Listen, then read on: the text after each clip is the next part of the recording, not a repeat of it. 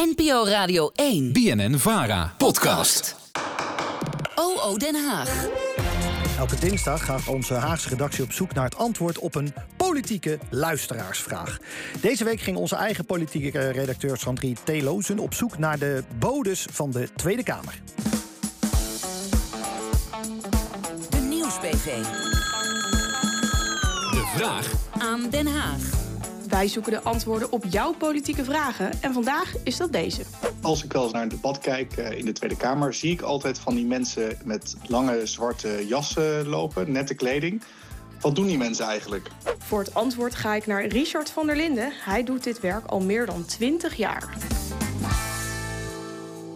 Wat doet een bode eigenlijk? Een bode is een ondersteuner in, de, in een van de zalen. Dat kan de plenaire zaal zijn, maar het kan ook de, een van de commissiezalen zijn. En aan ondersteuning moet je dan denken van eh, stukken, ordehandhaving, eh, kopje koffie verzorgen. En ook eh, weten wat er in de zaal aan de hand is. Dat je actueel kan schakelen op de situaties. Dus u bent eigenlijk bij heel veel debatten aanwezig. Je bent wel bij heel veel vergaderingen aanwezig. Maar met name mijn taak is dan de plenaire zaal. En dat is mijn, mijn hoofdtaak eigenlijk. En is dat leuk?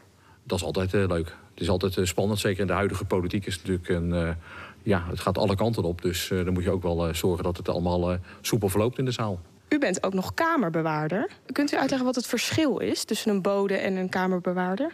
De Kamerbewaarder is eigenlijk de leidinggevende van, eh, van de bodedienst. En als je in de plenaire zaal kijkt, dan zie je een man met een, of een dame in dit geval ook, met een oranje sjerp. Daar her- herken je de Kamerbewaarder aan. Laten we eens luisteren hoe dat gaat.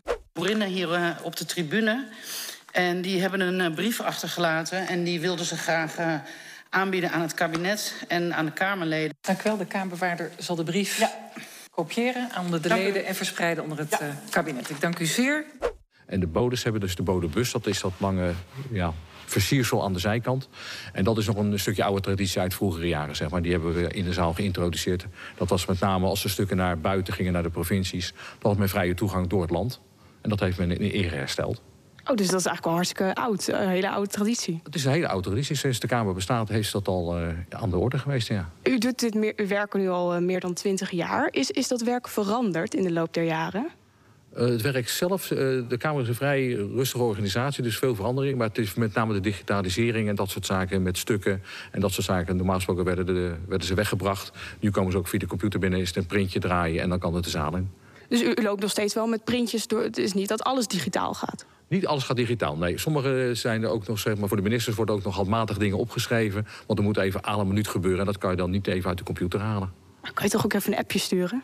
Kan, maar dat is niet aan mij. Nee, dat is waar, dat is waar, dat is waar. Ehm, is er wel is er een gek verzoek eh, binnengekomen? Dat er wilde er bijvoorbeeld een minister heel veel koekjes bij de koffie of zo? Ja, het mag niet gegeten worden in de, in de zalen. Het wil wel eens voorkomen, maar met, met name met lange debatten natuurlijk. Dan worden ze echt, eh, ja, dan worden ze een beetje gaar, noem ik het altijd maar. Want dan zit je natuurlijk maar te luisteren en dan eh, krijg je honger en de vragen gaan door. En dan willen we wel eens een, eh, stiekem een, onder een servetje een koekje brengen. En met name bepaalde ministers, daar weten we van dat ze die wel willen hebben. Dan willen we natuurlijk wel horen wie. Ja, nou met name minister, de minister-president, die wil wel wat vaak een koekje erbij. Dus dat is wel, eh, wel leuk.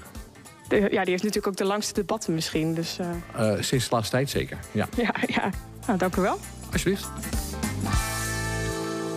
Heb jij nou ook een vraag aan Den Haag? Mail die dan naar de nieuwsbv. NPO Radio 1.